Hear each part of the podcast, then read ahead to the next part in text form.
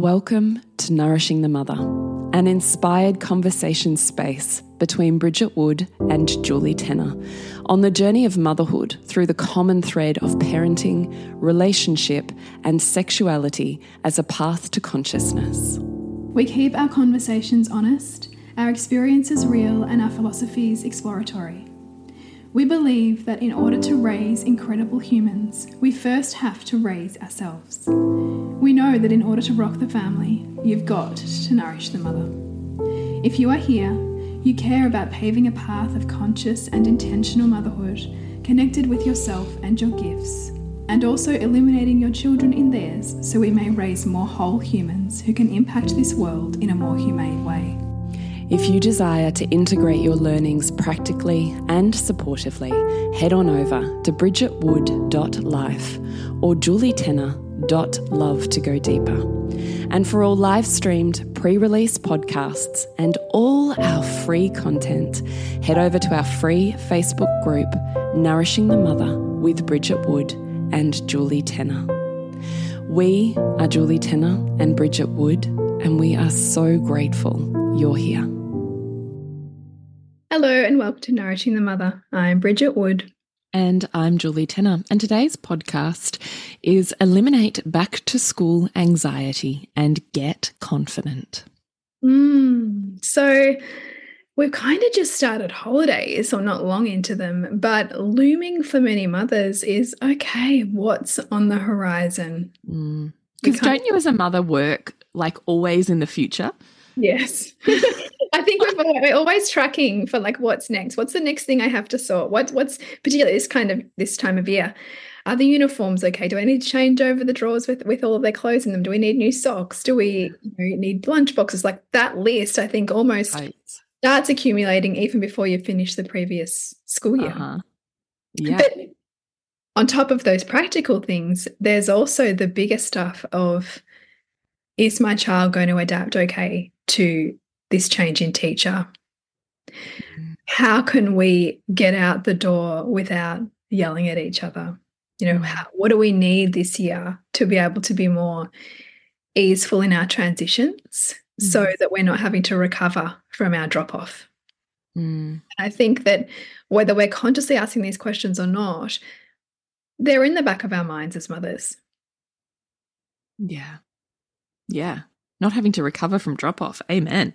Yeah, because you and I've had, I mean, certainly, yeah, like in in the last year, you and I definitely have had our share of school refusal and and what mm. that can require of your own nervous system to come back from. Yeah, and I think if you've you know got a child who's refused school or you've got a child who experiences separation anxiety, then I think it's natural that you would have an a part of you even now when we're supposed to be relaxing that is tracking for that. And so this podcast is really to shine a light on on that and how you can support and prepare yourself and your child for the back to school stuff. Totally. So let's begin. Where we would love you to start is to really spend a moment with yourself, getting curious, to identify where your anxiety is coming from. Mm.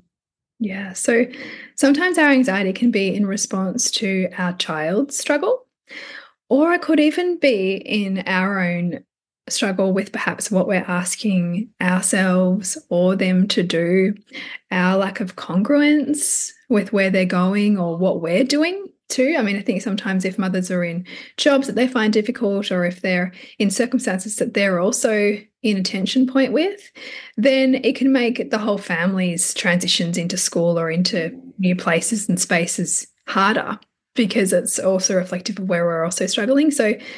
determining or discerning how much of the anxiety that's coming up in my body is mine and how much of it is my child's is important.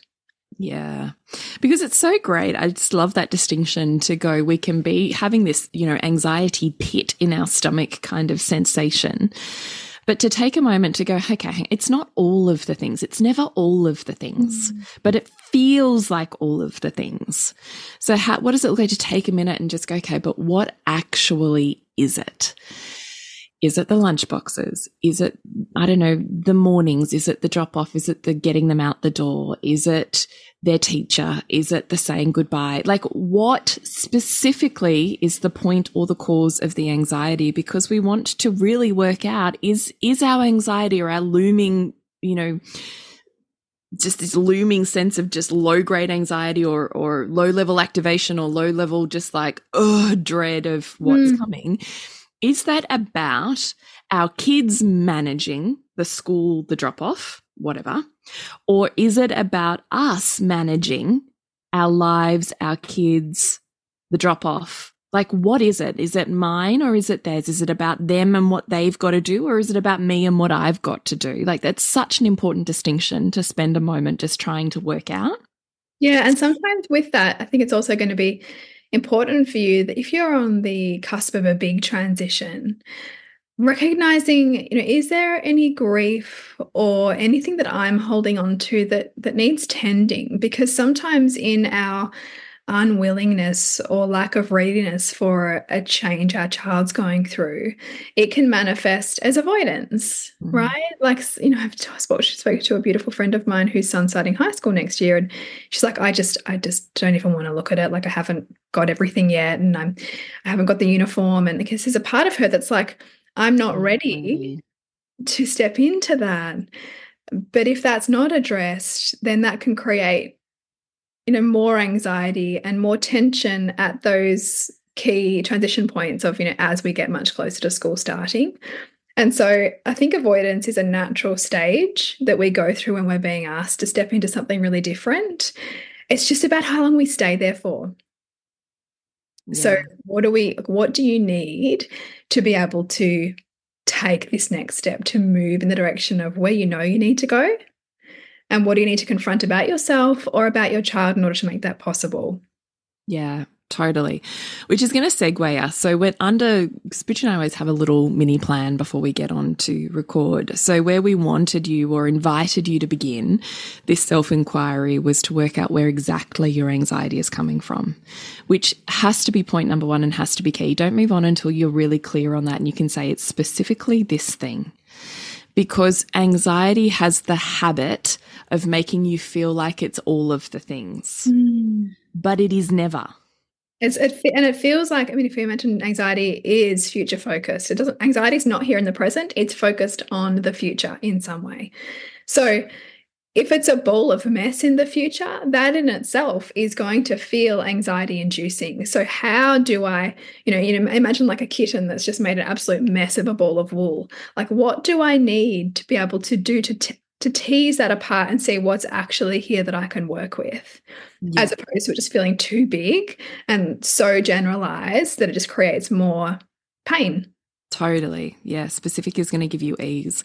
So, the ways that we thought you could consider what works for me in terms of working this out is we talked about you considering or doing for yourself a pressure points analysis or audit of mm-hmm. 2023. So this year. So taking your pen and your journal while you're sitting down the beach with the kids or whatever it is that you're doing while they're, you know, playing with family at Christmas time, just taking a journal and doing a, a, just an audit over this year of where were the pressure points? Mm. Where was the anxiety coming from? What really didn't work? Yeah. So, I mean, for me, I can think about um, something that I shifted during the year was my daughter, my middle child, doesn't take well the verbal reminders of how much time is left to go until we get out the door so I can give her as many verbal reminders as I want. It's not helping her close the gap between we need to leave.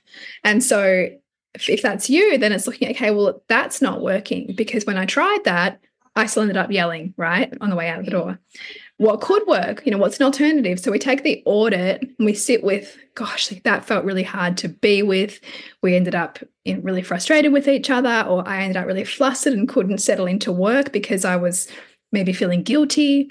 Look at those things put them on paper so that you can see them. And even just that process of getting them on paper helps your brain go, okay, I've got something I can attach to. I have something that's no longer generalized, it's specific. And when it's specific, you can then move into something that's more solution focused. Totally. Totally. Specific is going to give you solution focused content. Yes, it is. So do your audit. What didn't work this year? And then we want you to get really specific on each of those moments. So let's look at the moments. What do you need instead in those moments? So this thing isn't working. Let's not, you know, just repeat what is that saying around insanity? Doing the same thing over and over and expecting a different result. Mm. We need to, to try something different. So what else could we do, as Bridget said? What what do we need for this to work better? What do we need? And it could be many things. It could be you've got to delegate pieces of it. It could be you've got to have some more organization the night before, the day before, the week before, whatever. It could be that you want to empower your children to be able to do more of those things for themselves. Mm. It could be that it's completely someone else's job, or you can let that thing go completely, or you can drop other stuff to create more time or space. Like, how else could this look so you can move through this thing without falling prey to the pitfalls you always fall into? Right. Mm. Like the mm. trapdoor that always somehow seems to sneak up on you and get you. How do we know the trapdoor's there and instead know exactly how to move around it? Mm. I love that. So, how can you create that for yourself? Right? How can we create the support structures that we need to hold it? How do we create them for our kids so they can move forward? Like, you don't have to stay in something that's not working. You really don't. But we do have to spend a moment with some creative thinking, thinking outside of the box, inviting other people into that experience so it's not all on us because it's our brain that's got us here. We're limited. Let's open it up. Yes.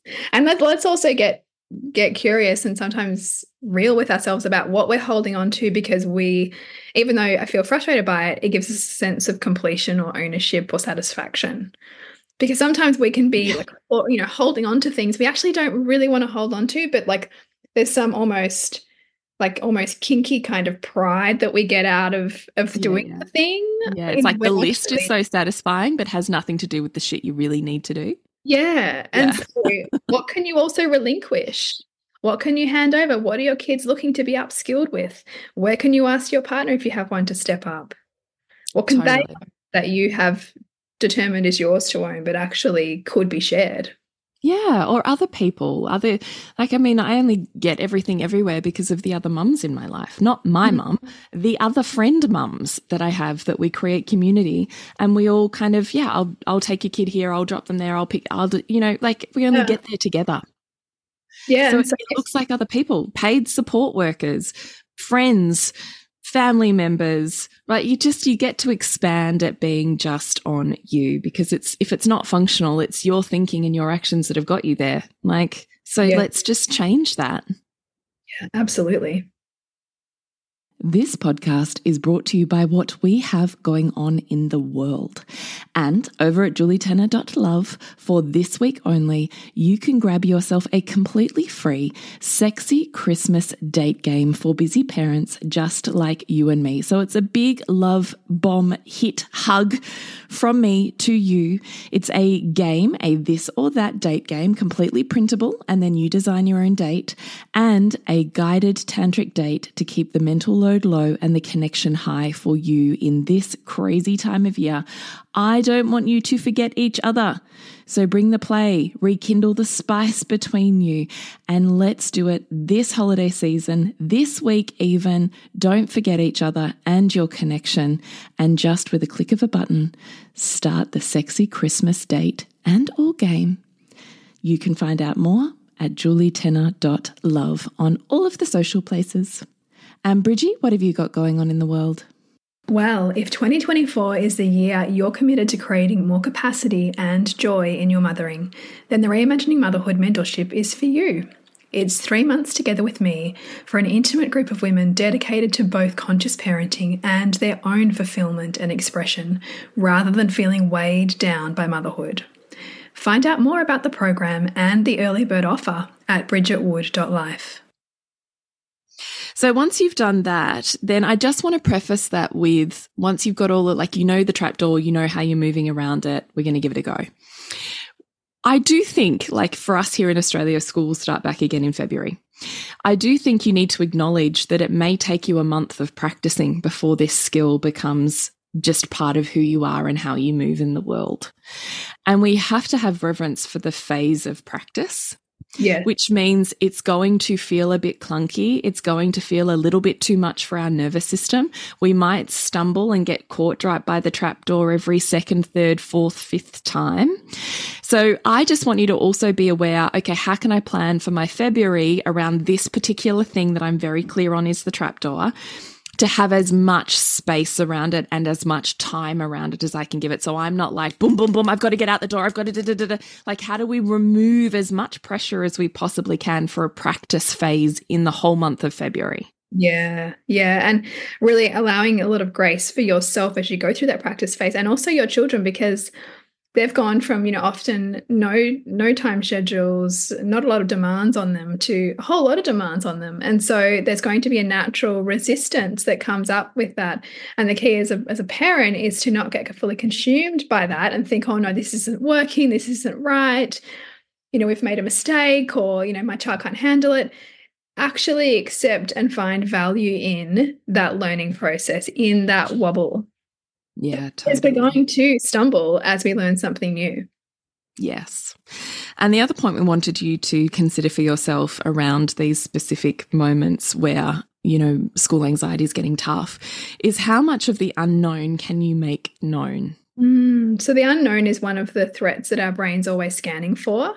So we can't obviously make everything known because the world is not that controllable but there's certain things and i think as in as parents we can sometimes skip over the information for our children that would be really relevant and helpful for, to them. So what parts of the of our child's unknown can we help them know? You know how can we visually demonstrate how long they've got left on holidays for example? How can we visually demonstrate the steps that are we're going to ask them to do in prepare, preparation for going back to school? Mm-hmm. How can we visually represent in some way, like I touched on with the time getting out the door thing, how can we visually represent that for our child? So for my daughter, it's a, a timer that actually shows the time reducing because the concept of time and time running out doesn't make sense for her. She needs to see a visual representation. So our child might need adaptations and we might need them too to help us feel like we've got this. You know maybe we need to think about all right i know school lunchboxes is a tricky thing for me to stay on top of so you know can i pre-make some stuff? Mm. can i share that with my partner? Can i equip one of one of my children to really help out and that be part of a process we do together for example? So any of those areas that you've written on that list on that audit what controllables can you build around them so that there's a little bit more ease with it rather than it feeling tension filled? Totally. Yeah, totally. Yeah. And as I've said many times on this podcast, having a week ahead written, we have this big whiteboard that goes down our hallway that's like a blackboard. And me just writing on there everything that's happening in the next week actually alleviates I would dare I say 60% of the emotional struggles that I would have with um, my autistic child if I didn't do that. But she can read. So as long as she, and she literally, I watch her look at that board every single time she goes down that hallway, every time to the toilet, to her bedroom, to go outside. She is constantly reminding herself of what's coming up Mm-hmm. And then I do not have struggle in getting her to transition into those spaces. I have struggle if I have not done seven days ahead. Then her anxiety leaps up mm-hmm. and then her resistance leaps up, which makes sense. And then, you know, I get the huge defiance. The defiance is, is simply a result of anxiety, insecurity, and I don't know what's happening next. So I won't go because I yeah. don't know. Yeah. It's a stuckness. Mm but we can, as you've said, prepare for that stuckness to not have to be there. Yeah. And schools are great, like, particularly if you've got little kids, like, they often have, you know, they've made visual, I hope for you, they've made visual books of, you know, here's my school and here's the gate and here's my classroom yes. and here's where my bag goes and here's where my water bottle goes and here's where I sit and here's my teacher and here's how I'm going to say goodbye you know, like all of that stuff is really important that we step it out. And also, I think that we go the next step and they understand the consequences in terms of natural consequences as well. I'm not just talking about, you know, punishment per se, but like, okay, so if this doesn't happen, here's what will happen. Mm. So, this has been my biggest learning for this year, I think, with Lola and school refusal, is understanding that she just needs to know that what happens next is consistent. It actually doesn't matter what happens next as long as it's consistent. Yes. If I flip flop, if the school flip flops, it's a fucking shit show because she actually has no idea and no context of what to expect next. Mm. So she stays at the no. Yeah. But as soon as known. Yeah. And it literally doesn't matter what it is. But as soon as we go, okay, so if if you can't say goodbye in the morning or we can't, you know, blah, blah, blah, what's going to happen is your teacher's going to come and offer you her hand to walk in together and she will take you to your seat. Or you don't want to do that. What we'll do is we'll go to the well-being room together.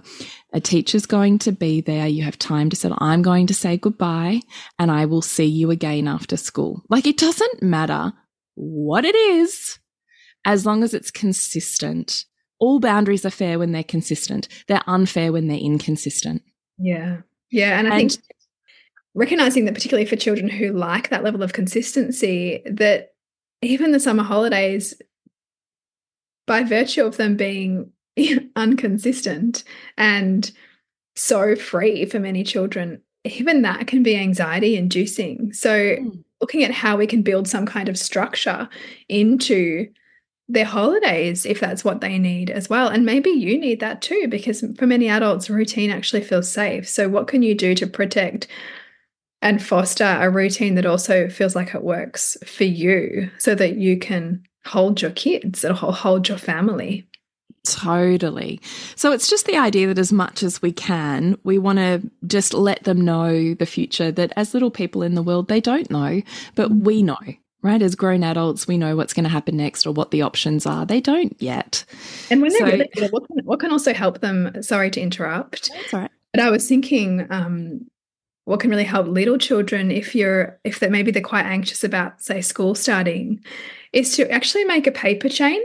You know, like a paper chain that you like where you link all the paper together mm -hmm. and get them to like tear off one every day. And that helps them see just how long the summer holidays are, for example. But you can use that for anything. You can use that for children who are nervous about Christmas and how far away Christmas is. It helps them when they're kind of pre language or pre written language to have some context to the idea of waiting because mm. waiting and the unknown of waiting can also be creating anxiety. And sometimes for mm. children, we won't know the thing because they can't say it. But it's just about tuning in, you know, what is it that my child seems to be displaying this anxiety around, and how can I bring some sense of security or, or um, certainty for them? Totally. As you were saying that, I was just laughing and really going, yeah, yeah, Gwen's totally done that for herself. So not only do we have the advent calendar, but then we also have, I had this wooden star sort of countdown calendar, and she moves the star every single day, and it's like a ritual. And she's made two chains for herself. Has she? That's fantastic. With the 24 days. And same thing, I'm like, she's got two chains and two calendars. Like, that's the level of she just wants to so much understand that. Yeah. Yes. Yeah. yeah. It's real. And I think sometimes too, if we don't recognize a child's need for that, then they're, um, demanding of it, which won't always come in ways we understand, but that we can certainly find parenting really irritating because it's just the child looking for something solid. Um, you know, whether that's a boundary, whether that's make that unknown being known. And it's just those, you know, more curious questions that we can ask ourselves and, and pay attention to in our child that will help us know what what the need is. Totally. So, how do we do more of this school anxiety stuff with you, Bridgie? Yeah, well, you can actually jump in and grab the transitions, transitions toolkit for free at the moment. So, that is a really beautiful, tangible resource that will help you with endings and beginnings, help you to both work through what's there for you. Because I think for many mothers, they can get so focused on the lunchbox and the uniform and setting their child up, but they don't always remember what's for them in this shift that they're going through. And how can you meet that in you at the same time as meet what your child's needing, both emotionally but also practically. So you can get that at bridgetwood.life or via my socials. And what about you, Jules? Well, for this week, you can grab the free sexy, I just all of a sudden went, oh my God, I did not prepare this. But what is happening right now is you can grab your free, what I've created, free, um, I can't even think what it's called right now, sexy Christmas date and game. So I played it the other day. It was super fun and comes with a 20 minute tantric guided date that you can press play on. So there's two maybe even more in there. Really cool ways to connect for really busy parents like you and me who are also struggling to just come up for air this time of year. And I would hate to think that your relationship is on the very, very bottom of the pile. So please come and make it really simple with on yourself. It's completely free. You click a button, you will get the downloads in an email, and then you get to set up something that can really be incredibly nourishing and sustaining for you, your relationship, and your family. So you can find out more about that at julietenner.love on the socials and also also on Nourishing the Mother on the socials. So please go and grab yours. Remember to nourish the woman to rock the family. And we'll see you next week when we continue to peel back the layers on your mothering journey. Thank you so much for listening. We literally couldn't do this without you. Please share this podcast with anyone you think it would be medicine for. If you desire to integrate your learnings practically and supportively into your life, then head on over to bridgetwood.life or julietenner.love to go deeper. And if you feel like giving back a little to this free content, please rate us on iTunes or Facebook, all of which helps the podcast reach more mamas who need this type of tonic for the soul.